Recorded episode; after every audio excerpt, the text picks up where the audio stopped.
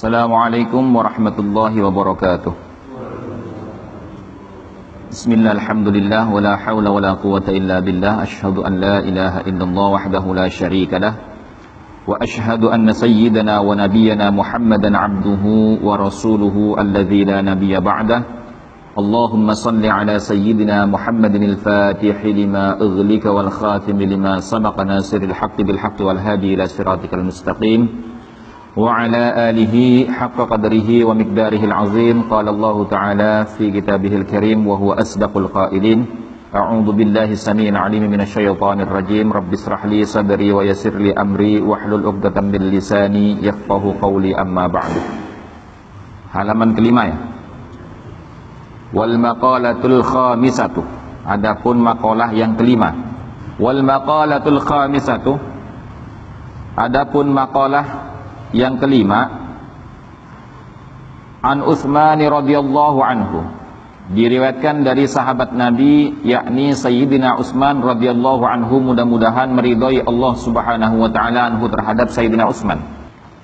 Hammud dunya utawi nguwatiraken dunya zulmatun iku dadi akan peteng fil qalbi ing dalem ati Hamud dunya utawi nguwatiraken dunya zulmatun iku ndadekaken peteng fil qalbi ing dalem ati.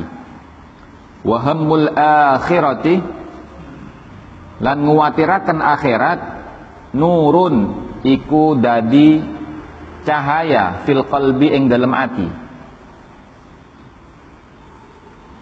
Ai tegese al hazanu fil umuril muta'alliqati bid dunya sara mudliman fil qalbi. Ai tegese al hazanu utawi kesedihan fil umuri ing dalam pira-pira perkara al muta'alliqati kang berhubungan kang berkaitan kang berta'alluq bid dunya kelawan dunya sara moko iku dadi muzliman. Kepetengan fil qalbi ing dalem ati. Soro moko iku dadi muzliman.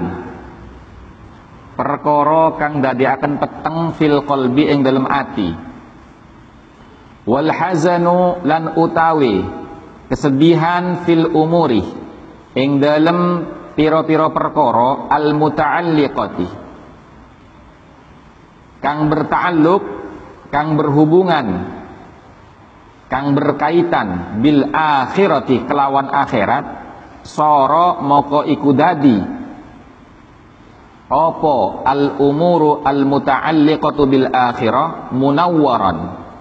Perkara kang nyinari kang madangi bil qalbi maring ati. Allahumma duh Allah la taj'al ojo ndadeaken panjenengan ya Allah ad-dunya ing dunya akbar hammana ing luweh gedene. Hammana akbar hammana. Kang luweh gedene hammana apane? Kerupekan ingsun. Wala lan ojo ndadeaken panjenengan ya Allah ad-dunya ing dunya mablagha ilmana. Kang ngalahaken apa kerupekan dunya ilmana ing ilmu ingsun. Adapun makalah yang kelima ini diriwayatkan dari Sayyidina Utsman ibni Affan. Kesedihan atau kekhawatiran akan urusan dunia atau apa pun saja yang berkaitan dengan dunia itu akan menggelapkan hati. Sedangkan kesedihan dan kekhawatiran akan urusan-urusan akhirat atau apa pun perkara yang berkaitan dengan akhirat, nurun fil qalbi. Itu akan menjadi cahaya penerang hati. Maka musannif berdoa Allahumma la taj'alid dunya akbar hammana wala mablagha ilmana Ya Allah, janganlah engkau jadikan dunia ini kesedihan yang memberatkan kami dan mengalahkan keilmuan kami. Ilmu di sini artinya iman. Iman. Nah, kalau sampai gini maksudnya, orang itu kalau sedih karena urusan dunia, khawatir akan urusan dunia, maka pasti imannya itu akan dikalahkan. Imannya itu akan dikalahkan. Sebabnya apa? Sebabnya itu panjang angan-angan. Gitu Terlalu panjang angan-angan. Yang menjadikan seseorang itu akan lupa akan segala sesuatu. Sehingga dia tidak tahu mana yang halal, mana yang haram, mana yang hak, mana yang batil.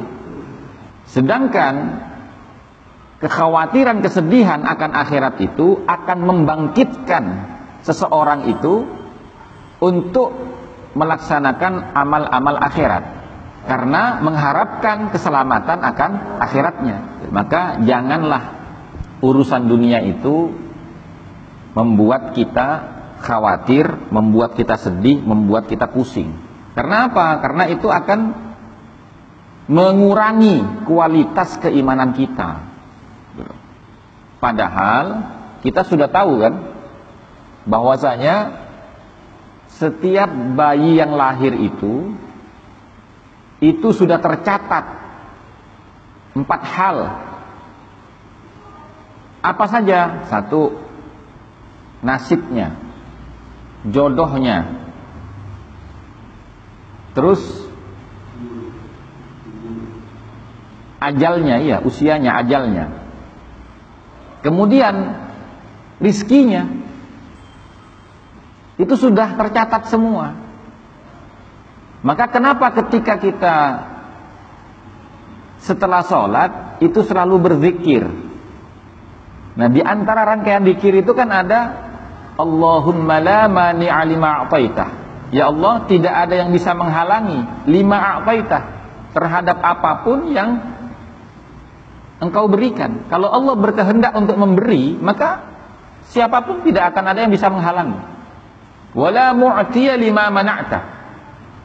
Dan tidak ada orang yang bisa mencegah tidak ada orang yang bisa memberikan sesuatu manfaat atau apa pun lima mana'ta terhadap apa pun yang Allah tidak kehendaki. Wala radda lima qadaitah. Dan tidak ada yang bisa menolak ketentuan takdir Allah. Wala yanfa'u dzal jaddi minkal jadd. Maka tidak ada manfaat orang itu bersusah payah, berusaha, berdaya upaya kalau tidak sejalan dengan takdirnya Allah. Itu bisa kita lihat dalam kacamata pribadi kita sendiri. Sekarang mari kita kita tanya ya dalam diri kita, apakah kita pernah meminta kepada Allah untuk dilahirkan sebagai laki-laki? Kan enggak. Pernah enggak orang perempuan itu yang terlahir dalam keadaan perempuan, dia minta sama Allah untuk dilahirkan jadi perempuan? Enggak ada, Pak. Enggak ada.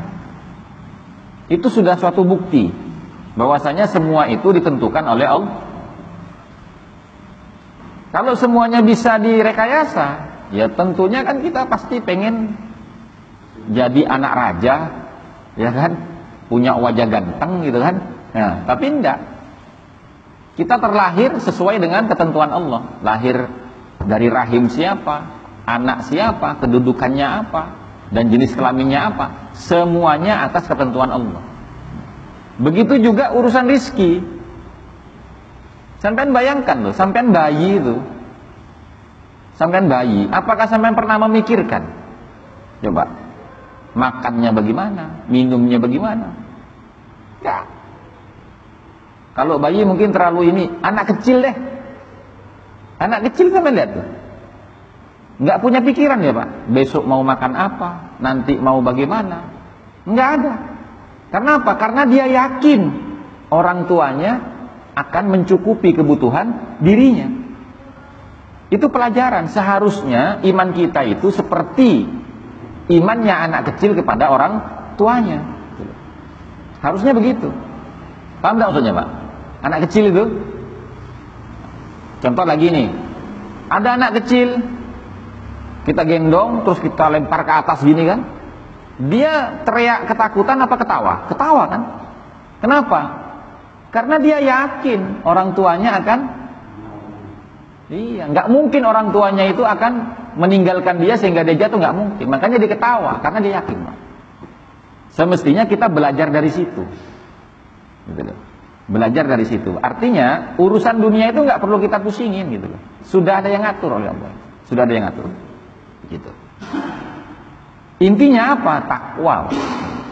Itu tolak ukurnya orang bertakwa itu di situ. Misalkan kita ruwet urusan dunia misalkan. Nah kalau kita itu orang yang bertakwa kepada Allah, kita rajin ngaji, kita rajin mencari ilmu, kita rajin duduk sama ulama, pasti ketika ada masalah, baik secara pribadi, keluarga maupun lingkungan masyarakat, kita langsung akan terhubung kepada Al-Quran dan hadisnya Nabi. Seperti contoh misalkan, di Al-Quran itu kan ada firman Allah. Wa may yattaqillaha yaj'al lahu makhraja. Barang siapa yang bertakwa kepada Allah, yaj'al lahu makhraja, maka Allah akan menjadikan bagi dirinya dalam setiap permasalahan hidupnya makhraja, jalan keluar atau solu, solusi. Dan barang siapa yang bertakwa kepada Allah, wa yarzuqhu min haitsu la yahtasib. Dan Allah akan mengalirkan rizkinya dari arah mana pun yang tidak dia duga-duga. Wa may yatawakkal 'ala Allah, barang siapa yang memasrahkan dirinya kepada Allah, fahuwa hasbuh. Maka Allah akan mencukupi kebutuhannya. Innallaha balighu amri. Sesungguhnya Allah lah yang menguasai segala urusan. Qad ja'alallahu likulli syai'in qadra. Allah sudah menjadikan dari tiap-tiap sesuatu itu sesuai dengan kadarnya. Gitu Artinya apa Pak? Ya kalau sambian kenapa kita duduk di sini nih? Sama-sama laki-laki, sama-sama punya istri. Tapi keadaan ekonomi kita berbeda. Kenapa itu bisa begitu? Itulah bentuk keadilan Allah Karena Allah itu hanya akan memberikan sesuatu Yang kita butuhkan bukan memberikan sesuatu yang kita inginkan. Kira-kira gini ya caranya. Gampangnya sama pikir ya. Misalkan nih Pak Sodik punya anak dua. Pak Sodik punya anak dua. Yang satu kelas satu SD. Yang satunya lagi kelas satu SMP. Kira-kira sampean akan memberikan uang saku yang sama nggak sama mereka? Beda dong, SD sama SMP. Terus yang kedua, kira-kira sampean akan memberikan ukuran baju yang sama nggak supaya kelihatan adil gitu? Enggak. Pasti beda dong. Karena keadilan itu yang disebut adil di dalam agama Islam itu yang sesuai dengan ukurannya. Hah? Sesuai dengan porsinya. Makanya Allah katakan, "Qad ja'alallahu likulli syai'in qadra." Gitu loh. Jadi nggak ada kita itu harus iri sama orang. Kita merasa prihatin terhadap keadaan diri kita kok nggak sama seperti orang. Nah, itu ciri orang nggak bertakwa, Pak. Ciri orang nggak bertakwa. Itu ya. Itu tentang hal ketakwaan gitu. Bayangkan, ini saya ngambil ibarat dari kitab Nasaihud Diniyah. Satunya Nasaihul Ibad, tapi ini Nasaihud Diniyah. Tentang masalah takwa gitu loh. Tentang masalah takwa. Nih. Kata Sayyid Abdullah bin Ali al-Haddad di dalam kitabnya Nasaihud Diniyah, Wa kam 'allaqallahu al-'azim fi kitabihil aziz ala taqwa min khairatin 'azimatin wa sa'adatin jasimatin Berapa banyak Allah itu mengaitkan di dalam kitabnya yang mulia yaitu Al-Qur'an ala takwa terhadap ketakwaan itu dikaitkan min khairatin azimatin dari sekian banyak kebaikan-kebaikan yang besar wa sa'adatin jasimatin dan kebahagiaan-kebahagiaan yang luas gitu. Contoh, famin dzalika al-ma'iyatul ilahiyah al-hifziyatul latifiyah Qala Allah Ta'ala wattaqullaha wa'lamu annallaha ma'al muttaqin. Satu faedahnya orang bertakwa itu al-ma'iyatul ilahiyah. Allah akan selalu mengiringi orang yang bertakwa. Apanya yang mengiringi itu? Rahmat, kasih sayang dan keberkahannya selalu mengiringi orang yang bertakwa. Wal hifdziyatul lutfiyah dan juga penjagaan Allah, perlindungan Allah. Gitu. Sebagaimana firman Allah, "Wattaqullaha wa'lamu annallaha ma'al muttaqi." Bertakwalah kepada Allah dan ketahuilah sesungguhnya Allah ma'al muttaqin bersama dengan orang-orang yang bertakwa. Gitu. Kemudian, "Wattaqullaha wa yu'allimukumullah." Wa min dzalika al-ilmul ladunni Orang yang bertakwa itu Allah akan anugerahkan ilmu ladunni. Sebagaimana firman Allah, "Wattaqullaha wa yu'allimukumullah." Bertakwalah kamu kepada Allah, maka Allah akan mengajarkan ilmu kepada kalian. Wa min dzalika al-furqanu 'indal istibahi wa wuqu'il iskal wal kafarati lisayyi'at wal maghfirati lidzunub. Selain daripada itu, Allah akan memberikan al-furqan, Al-Furqan itu adalah sesuatu yang bisa membedakan mana yang benar, mana yang tidak, mana yang haram, mana yang halal dan memberikan solusi terhadap apa pun yang meragukan dalam hidup kita. Selain itu, Allah juga akan mengampuni kesalahan-kesalahan orang yang bertakwa. Sebagaimana firman Allah, ya ayyuhalladzina amanu in tattaqullaha yaj'al lakum furqanan. Wahai orang-orang yang beriman, in tattaqullaha apabila kamu bertakwa kepada Allah, yaj'al lakum furqanan, maka Allah akan menjadikan lakum bagi kalian furqanan. Kecerdasan, kepekaan di dalam membedakan mana yang hak, mana yang batil, mana yang haram, mana yang halal wa yukaffir ankum sayyi'atikum. Dan Allah akan mengampuni menghapuskan segala keburukan-keburukan. Wa yaghfir lakum. Dan Allah akan mengampuni dosa-dosa kalian. Wallahu dzul fadl azim. Wa min dzalika an-najatu minan nar. Selain daripada itu keselamatan dari neraka Sebagaimana firman Allah, "Wa in minkum illa wariduha kana 'ala rabbika hatman maqdiya." Tsumma nunajjil ladzina taqau. Nah, jadi apa namanya? Semua makhluknya Allah itu pasti akan memasuki nerakanya Allah. Summa nunajjil ladzina taqau. Tapi Allah akan menyelamatkan orang-orang bertakwa tidak akan merasakan masuk ke dalam neraka. Kemudian rizki. Wa min dzalika al-makhraju minasyada'id. Allah akan memberikan jalan keluar dari setiap kesulitan-kesulitan yang dialami dalam hidupnya. Wa rizqu min haitsu la yahtasib dan memberikan rizki dari arah mana pun yang tidak Allah duga yang tidak kita duga-duga. Seperti tadi yang kita sebutkan wa may yattaqillaha yaj'al lahu makhraja wa yarzuqhu min haitsu la yahtasib wa may yattaqillaha yaj'al lahu min amrihi yusra. Barang siapa yang bertakwa kepada Allah, yaj'al lahu min amrihi yusra. Allah akan menjadikan semua urusannya itu menjadi mudah. Bayangin, Pak. Jadi kalau kita kesulitan, maka tingkatkan ketakwaan kita. Karena kata Allah, "Wa may yattaqillaha yaj'al lahu min amrihi yusra." Barang siapa yang bertakwa kepada Allah, Allah akan menjadikan baginya min amrihi dari semua urusannya yusra kemudahan. Wa may yattaqillaha yukaffir anhu sayyi'atihi wa yu'azzim lahu ajran.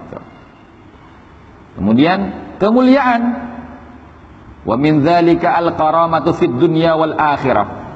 Orang bertakwa itu Allah akan berikan kemuliaan di dunia dan akhirat.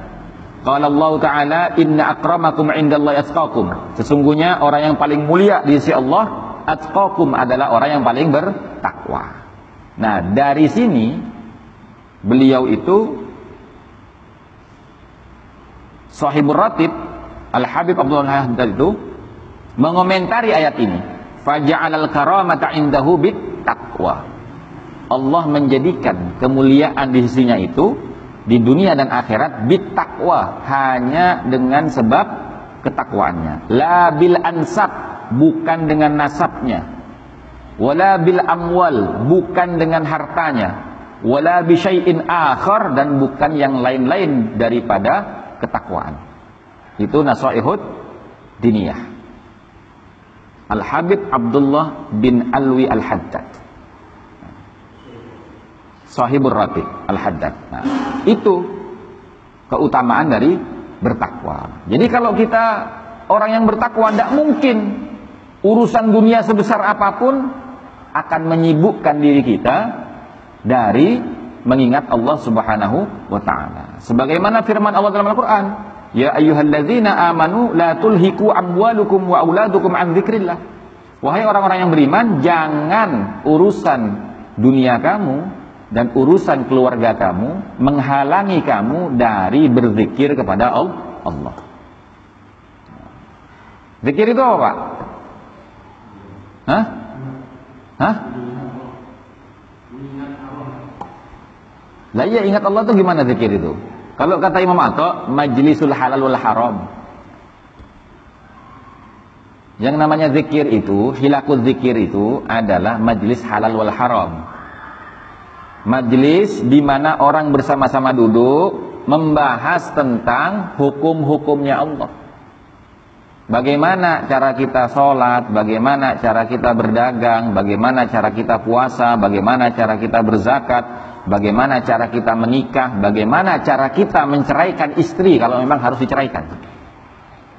Itu namanya hilakul zikr. Gitu Nah kalau cuma ingat Allah, ingat apanya? Ayo, ingat apanya coba? Hah? Lah iya ingat kebesarannya Allah itu bagaimana? Yang dimaksud zikir di situ, Pak, ya, fa'lam annahu la ilaha illallah. Ketahuilah bahwasanya tidak Tuhan selain Allah. Apanya yang tidak Tuhan? Yang berhak disembah. Maka kita harus menyembah Allah. Lah bagaimana cara menyembah? Itu yang disebut zikir, Pak. Itu yang disebut zik, zikir. Nah, kalau geleng-geleng kepala itu wirid namanya. Wirid namanya itu. Nah, itu sampai rujuk ada kitabnya namanya Adabul Alim wal Muta'allim. Di situ Hadratus Syekh Jasim Asy'ari nukil, mengutip penjelasan daripada Imam Atha ketika menjelaskan tentang hadis Nabi Hilatul Zikr. Apa itu yang disebut Hilatul Zikr? Majalisul halal war haram. Kaifa bagaimana cara kita sholat. Kaifa nuzakki, bagaimana cara kita berzakat Kaifa nasumu bagaimana caranya kita berpuasa? Kaifa nubayyi'u bagaimana caranya kita membeli? Wa kaifa nashtari bagaimana cara kita menjual dan membeli? Wa kaifa nungkihu bagaimana cara kita menikah? Wa kaifa nutalliku dan bagaimana cara kita mentalak istri kita? Itu yang disebut zik, zikir gitu loh. Sebab kalau kita sibuk dengan urusan dunia, Pak, itu malah akan menjauhkan diri kita dari Allah Subhanahu wa taala. Contoh gini. Contoh nih. Seumpamanya ya, seumpamanya.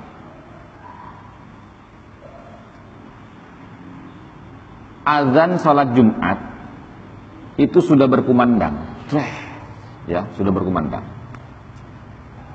Sementara sampean dari pagi itu belum dapat duit sama sekali.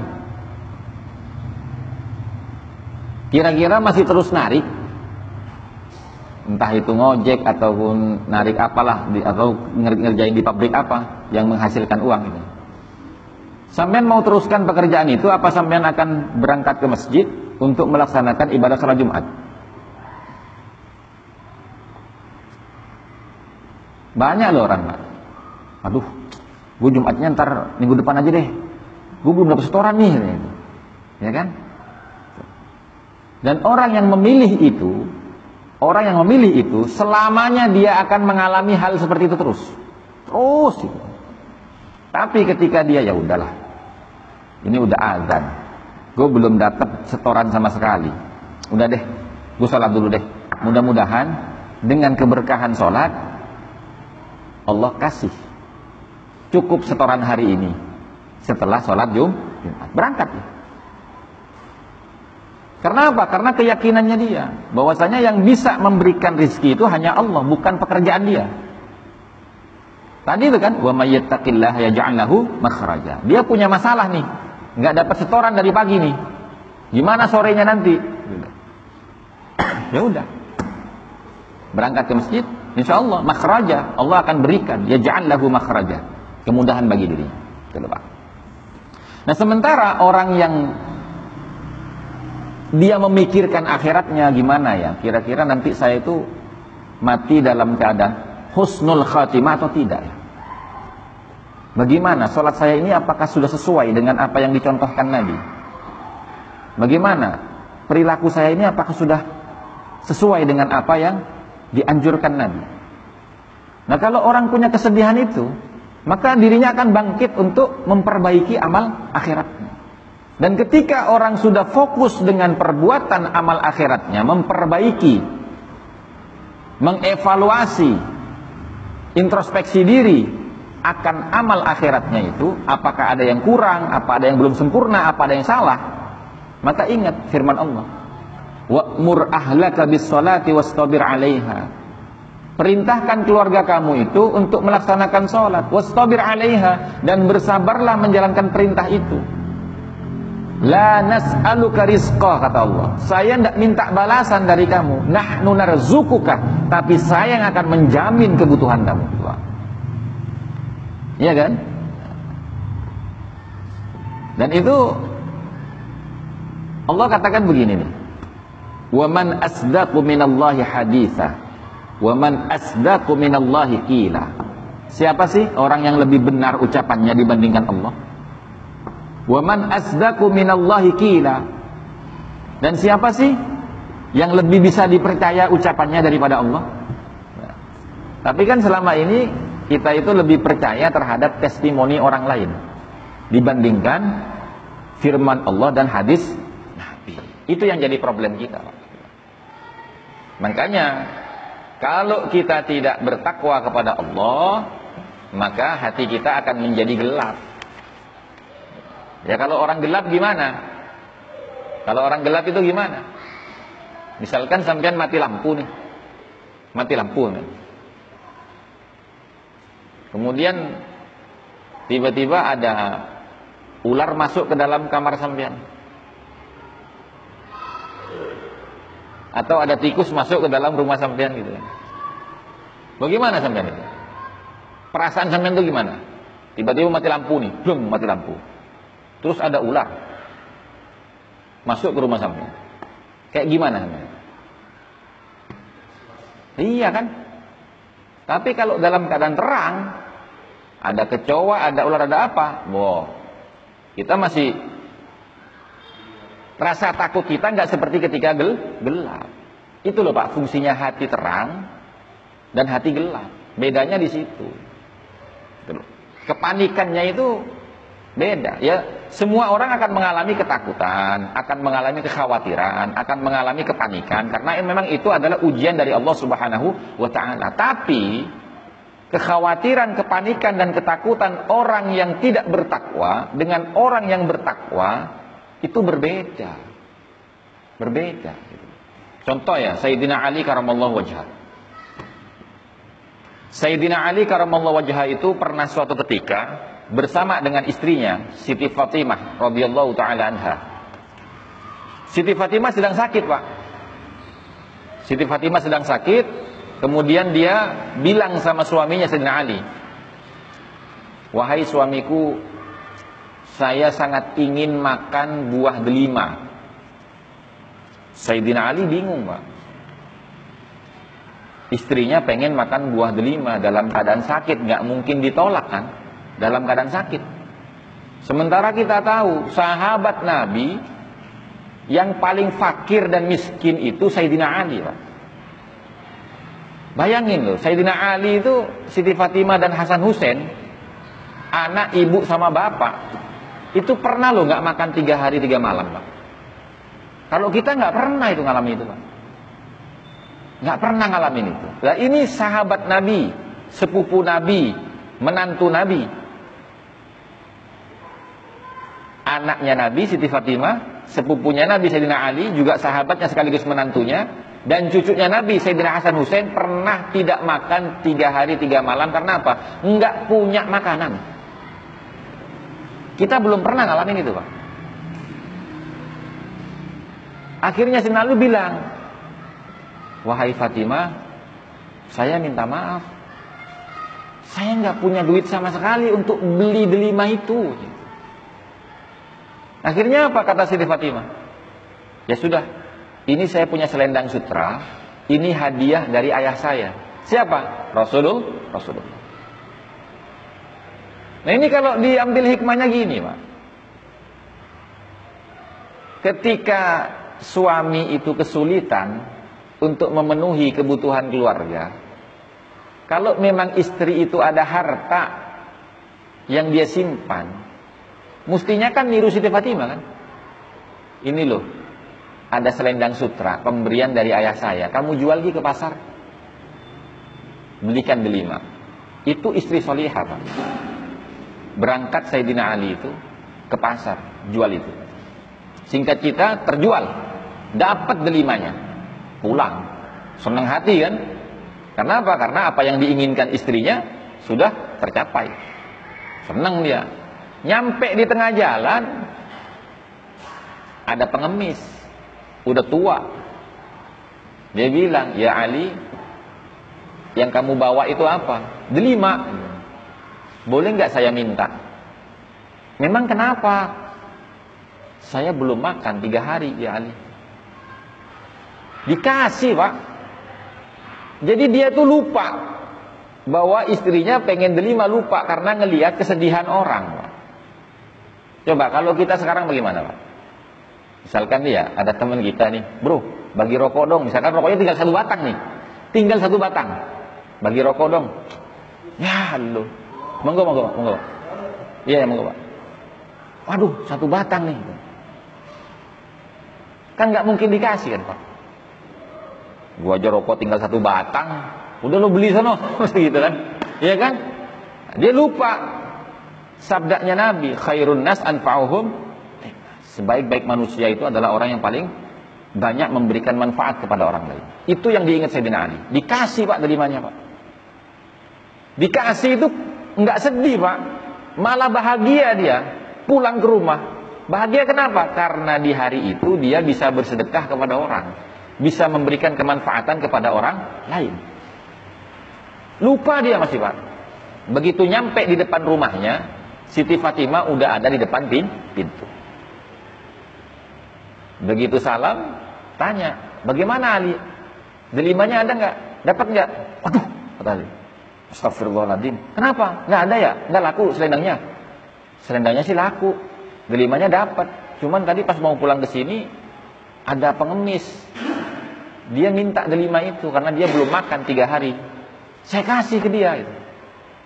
Menurut sampean ini, perkiraan sampean ini marah nggak sih Fatimah? Tidak marah, Pak. Tidak marah. Malah dia begini. Alhamdulillah wahai suamiku Sayyidina Ali. Dalam keadaan seperti ini. Allah masih mengizinkan kita memberikan kemanfaatan kepada orang lain. Itu Pak. Bayangin. Kalau istri kita gimana? Hah? Ayo. Kasih bangga Makanya itu Pak, di akhir zaman ini tidak ada wanita soleha itu tidak ada Pak. Makanya Imam Ghazali itu bilang gitu loh, kalau nggak penting-penting banget, kalau kamu masih bisa nahan syahwat, mending gak usah nikah. Kenapa? Ribet perempuan zaman sekarang itu. Nggak ada yang soleha. Karena ciri wanita soleha kayak gini nih Pak, Siti Fatimah nih Pak. Oh iya kan itu putrinya Nabi, Loh, ada lagi yang bukan putrinya Nabi, namanya Muti, Muti'ah. Muti'ah itu tidak akan makan sebelum suaminya pulang. itu mutiah. Bayangin, nggak akan makan sebelum suaminya pulang. Dan Siti Fatimah pun pernah oleh Nabi itu diperintahkan untuk minta doa sama Mutia. Bayangin, padahal Mutia itu bukan putri Nabi, bukan keluarga Nabi, bukan siapa-siapa, umat Nabi aja. Terus gini, ya kata Siti Fatimah, ya Rasulullah, siapa perempuan yang masuk surga pertama kali? Siti Fatimah mikir pasti saya nih gitu. Siapa lagi kan saya putrinya Nabi katanya gitu kan. Ternyata bukan Siti Fatimah. Siapa? Nabi menjawab Muti'ah.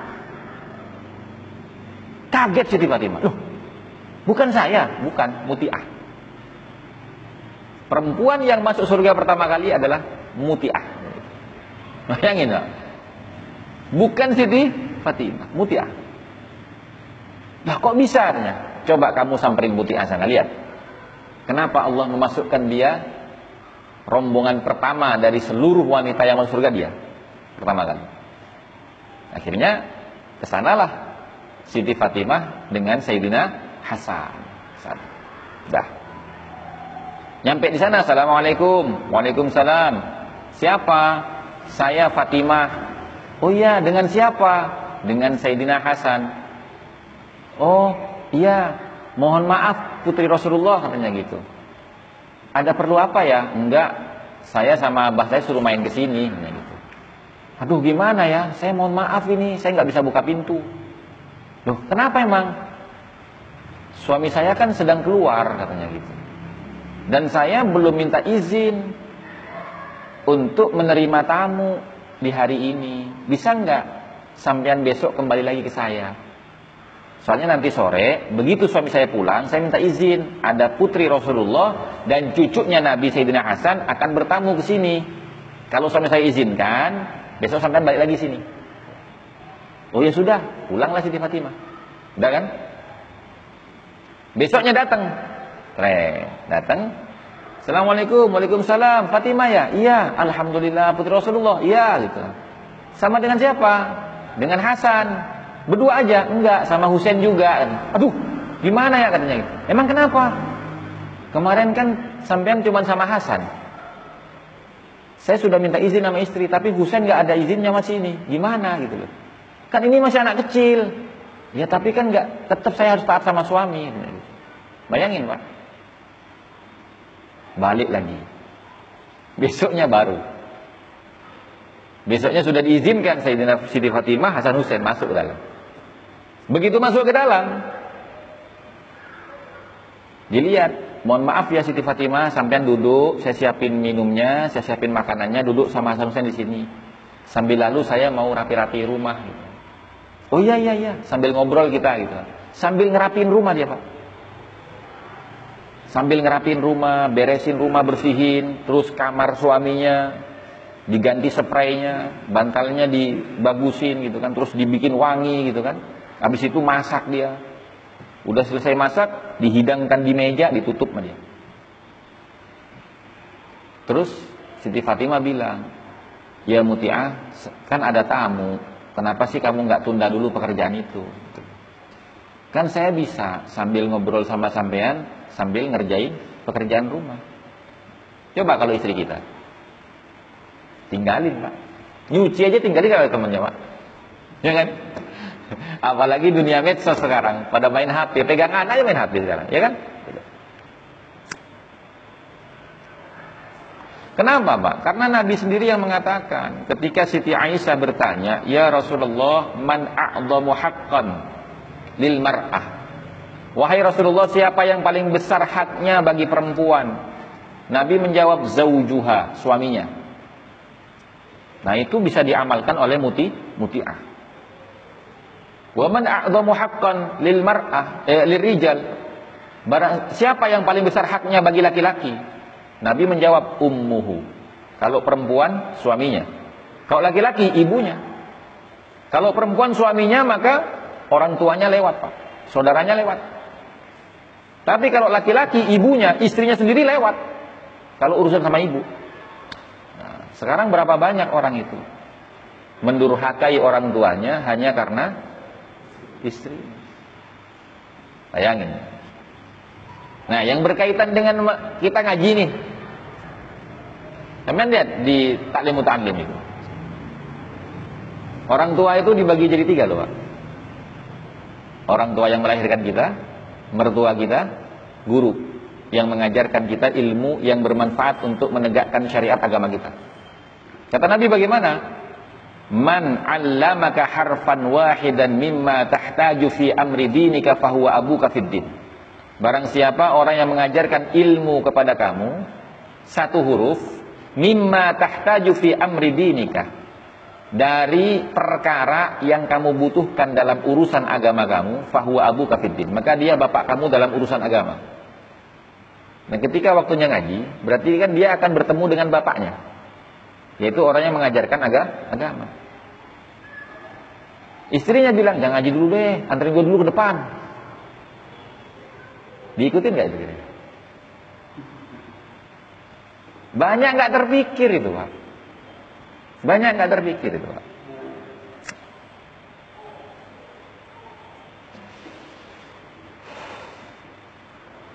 Padahal kan orang tua harus didahulukan daripada istri. Tapi gimana Gus kalau ini? Nah, itu ya kesalahan sampean. Sepandai-pandainya sampean itu mendidik istrinya. Karena apa? Kesolehan istri itu tergantung didikan suaminya. Jadi kalau ada suami, maaf Gus ya, saya nggak ngaji dulu Gus. Ini istri saya lagi rewel nih, dia minta antarin ke depan. Itu menandakan bahwa dirinya nggak becus mendidik istrinya itu. Betul nggak? Ayo pikir coba. Iya kan? Artinya dia menampakkan diri bahwa dirinya itu gagal mendidik keluarganya gitu loh. Saya kalau saya malu pak gitu pak, tidak berani saya izin karena istri itu tidak berani. Ya. Bayangin, izin nggak berani. Ya. Dan istri saya alhamdulillah, dia tahu betul kalau giliran saya ngaji, udah nggak akan WA, nggak akan nggak akan telepon dia. Kalau WA ya atau SMS, telepon nggak akan dia. Karena saya bilang kalau ini jam saya ngaji segini gini gini gini gini hari ini hari ini hari ini jam sekian sekian. Kamu harus hormatin ya. Jangan ganggu. Saya khawatir ketika saya ngaji, kamu nelpon, guru saya tersinggung. Loh siapa Pak coba? Lagi menjelaskan sesuatu, tiba-tiba ada salah satu murid yang angkat telepon. Sopan tak kira-kira? Nah cuman hal-hal seperti ini memang sensitif. Tapi sesensitif apa pun kita harus sampaikan. Karena tujuan kita adalah menyelamatkan umatnya Nabi Muhammad dari perangkap setan. Nah perangkap setan itu yang paling nyata itu siapa? Perempuan pak. Loh kok bisa perempuan Gus? Lah kita flashback ceritanya Nabi Adam dengan Siti Hawa. Itu Allah sudah ngasih warning hati-hati sama perempuan. Hati-hati itu bukan berarti dijauhi, bukan. Tidak semua kemauan wanita itu harus kita turu, turuti. Artinya selama tidak keluar dari batasan syariat, oh monggo silakan. Tapi kalau sudah mulai agak nerobos batasan syariat, nah kita sebagai laki-laki harus mendidik dengan tegas gitu. Itu, Pak. Lanjut ya. Wal maqalatu sadisatu. Nah, terakhir cerita Sayyidina Ali tadi. Setelah Sayyidina Ali itu menghadap Siti Fatimah ditanya sama Siti Fatimah ternyata nggak dapat karena buah delimanya dikasih kepada si pengemis tadi Siti Fatimah itu nggak marah pak tapi dia bilang Alhamdulillah dalam kondisi seperti ini sakit nggak punya bahan makanan lapar tapi masih bisa memberikan manfaat kepada orang lain nah kita kan sudah ngaji tuh ya nasaihul diniyah nasaihul ibad itu kan Id, apa afdhul a'mal idkhalus surur ala qalbil mu'min yatrudu an hujuan. Sebaik-baik amal perbuatan itu adalah memberikan kebahagiaan di, hati orang mukmin. Yatrudu an hujuan seperti halnya memberikan hidangan makan kepada orang yang la, lapar. Maka Sayyidina Ali itu memberikan buah itu karena orang itu bilang belum makan tiga hari. Setelah itu selesai, Siti Fatimah mengucapkan syukurnya kepada Allah dalam kondisi seperti itu, dalam keadaan sakit, lapar dan tidak punya bahan makanan, tapi Allah masih mengizinkan dia bermanfaat untuk orang lain, tiba-tiba ada pintu yang ngetuk. Setelah dibuka, ternyata Abdurrahman bin Auf. Kata Sina Ali, ada apa Abdurrahman? Ini saya disuruh nganterin ini nih sama Rasulullah katanya. Nampan ditutup sama taplak pak sama kain apa isinya ya kamu lihat aja sendiri dibuka sama Sayyidina Ali ternyata ada buah delima ada buah deli delima dihitung sama Sayyidina Ali satu dua tiga empat lima enam tujuh delapan sembilan. Kok sembilan ini? Kata Abdurrahman ya nggak tahu. Orang dari Nabi memang begini suruh nganterin. Salah ini Abdurrahman balikin. Karena kalau memang ini untuk saya, pasti sepuluh delimanya. Loh kenapa? Karena tadi saya sedekah satu delima, harusnya kembali sepuluh delima. Loh iya pak, karena apa? Nabi sendiri yang bilang, asyadaqatu bi salihah. Sedekah itu dibalas sepuluh kali lipat. Begitu Sayyidina Ali bilang begitu, Abdurrahman bin Auf ketawa. Kenapa ketawa? Wah kau memang betul-betul cerdas Ali sengaja satu dari lima saya simpan sama saya pengen tahu jawaban kamu kayak gimana nih genap sepuluh katanya gitu nah kalau sepuluh punya saya nih gitu, gitu pak itu Sayyidina Ali pak saking yakinnya kepada sabda Nabi dan janji Allah kalau kita bisa meniru itu sedikit aja nggak nggak harus nggak harus sama sedikit aja kita tiru insya Allah insya Allah gitu jadi itu keimanan Sayyidina Ali dengan Siti Fatimah radhiyallahu taala anha. Lanjut ya. Wal maqalatu sadisatu. Adapun maqalah yang keenam, an Ali radhiyallahu anhu wa karramallahu wajhah. Riwayat dari Sayyidina Ali radhiyallahu mugi-mugi Allah ngeridani. Allahu sapa Allah anhu saking Sayyidina Ali wa karrama lan Mugi-mugi ngemuliaakan sapa Allah wajahu ing wajahik Sayyidina Ali karamallahu wajah. Sayyidina Ali itu Pak mendapat julukan karramallahu wajah itu karena beliau tidak pernah melihat kemaluan sendiri. Enggak pernah melihat auratnya sendiri. Apalagi aurat orang lain. Enggak pernah. Jadi Sayyidina Ali itu tidak tahu bentuknya alat vital laki-laki seperti apa yang dia miliki, tidak tahu dia. Begitu juga istrinya nggak pernah lihat. Makanya dijuluki karramallahu wajah. Yang Allah muliakan wajahnya karena tidak pernah melihat auratnya sendiri apalagi aurat orang orang lain. Itu. Beliau berkata, "Man kana fi talabil ilmi, man utawi sapane wong kana kang ana sapa man fi talabil ilmi iku tetep ing dalam nyuprih ilmu sapa man." Kanat moko ono al jannatu Opo surga fi talabihi iku tetep ing dalem penyuprihane man Wa man kana fi talabil ma'siyati lan man utawi sapane wong kana kang ana sapa man fi talabil ma'siyati ing iku tetep ing dalem nyuprih kemaksiatan kanatin naru fi talabihi. Moko ana apa neraka fi talabihi iku tetep ing dalem kang den suprih man. Ai tegese man istaghalah man utawi sapane wong istaghalah iku sibuk sapa man fil ilmi ing dalam ilmu? An-nafi'i. Rupane ilmu an-nafi'i kang sifati ilmu kang manfaat. Alladzi kang la yajuzu. Ora wenang. Lil balighi. Kedue wong kang balil al aqili tur kang berakal. Apa jahluhu bodoni? Hu ing ilmin nafi'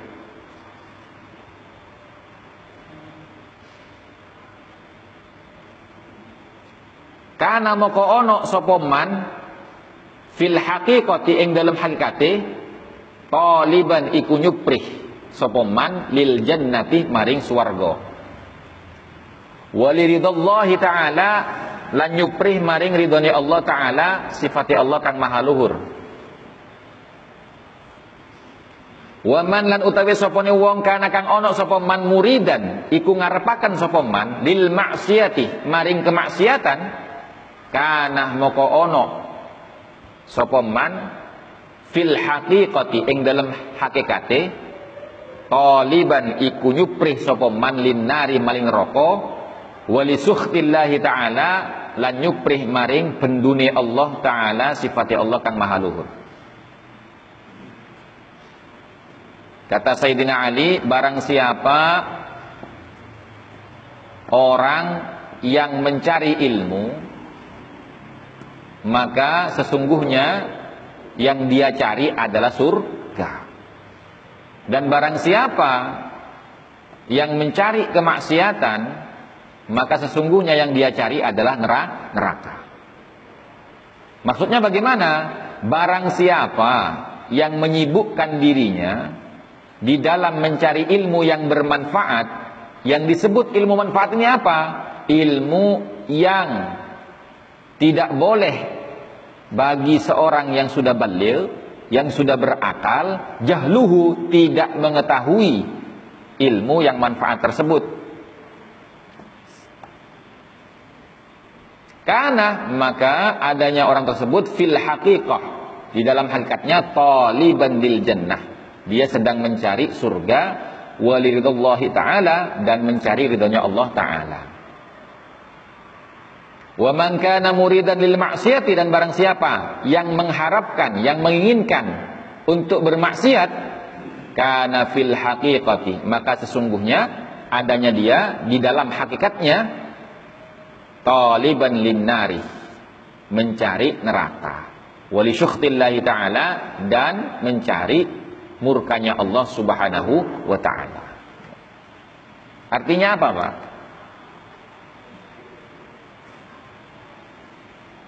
Yang wajib dicari, yang wajib dipelajari, kita wajib menyibukkan diri dan tidak boleh kesibukan-kesibukan yang lain itu terhalang daripada kesibukan kita di dalam mencari ilmu yang manfaat.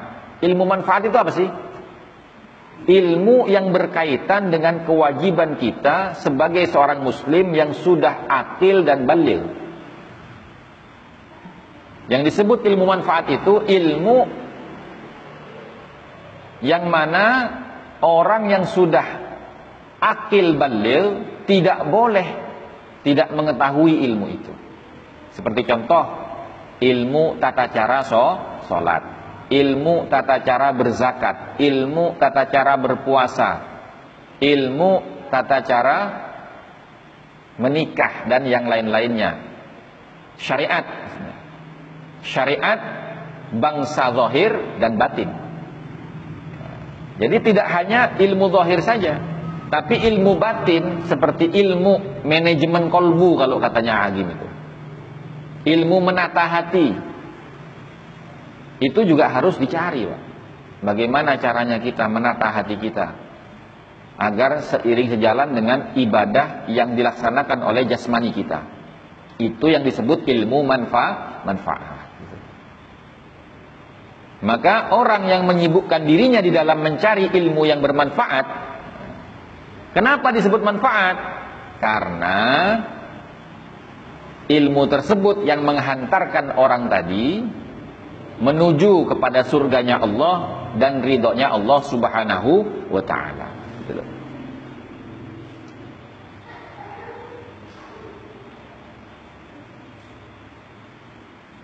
Dah. Wal maqalatus sabi'atu adapun makalah yang ketujuh an Yahya bin Mu'ad radhiyallahu anhu. Diriwayatkan dari Yahya bin Mu'ad radhiyallahu anhu. Ma'asallahu karimun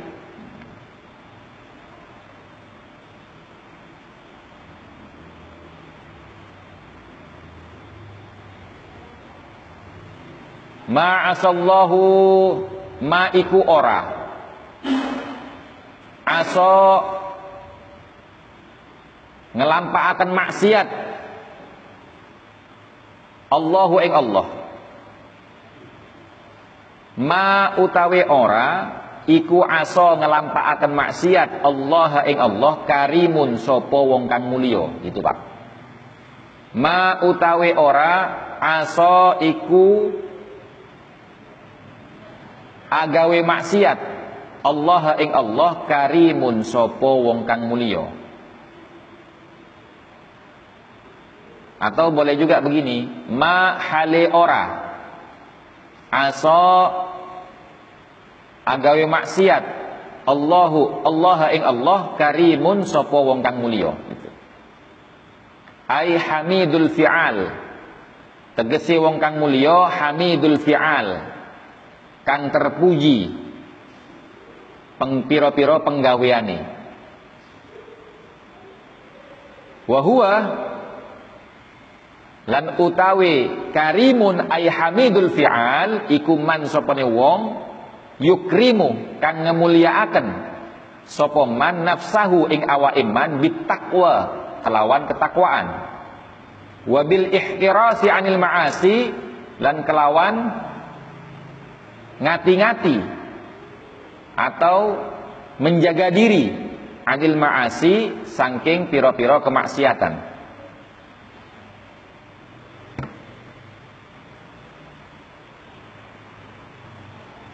Wala atharu dunya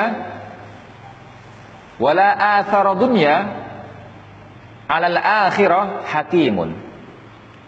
Lan ora athara andinginaken ad-dunya ing dunya ai tegese la qadamaha ora andinginaken ha ing dunya wala faddalaha lan ora ngutamaaken ha ing dunya alal akhirah. Ing akhirat hakimun sopo wong kang hakim.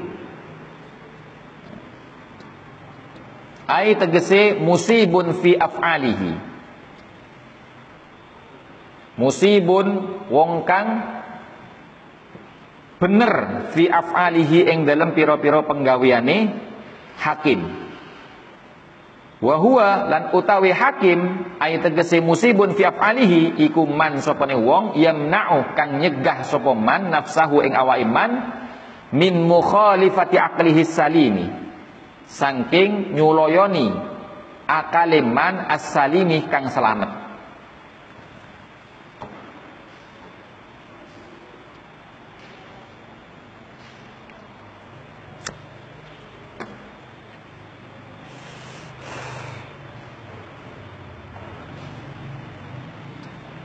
Ini penting buat kita Pak. Makalah yang ketujuh ini diriwayatkan dari Yahya bin Mu'ad radhiyallahu anhu. Dia berkata, "Ma'asallahu karimun." Orang yang mulia itu ma'asallaha tidak akan bermaksiat kepada Allah Ma'asallaha tidak akan bermaksiat kepada Allah karimun orang yang mulia. Siapa orang yang mulia itu? Orang yang perbuatannya terpuji. Maksudnya bagaimana? Orang yang memuliakan dirinya ditakwa dengan ketakwaan. Wabil ihtirasi anil ma'asi dan menjaga dirinya dari perbuatan-perbuatan maksiat. Itu disebut orang muli, mulia.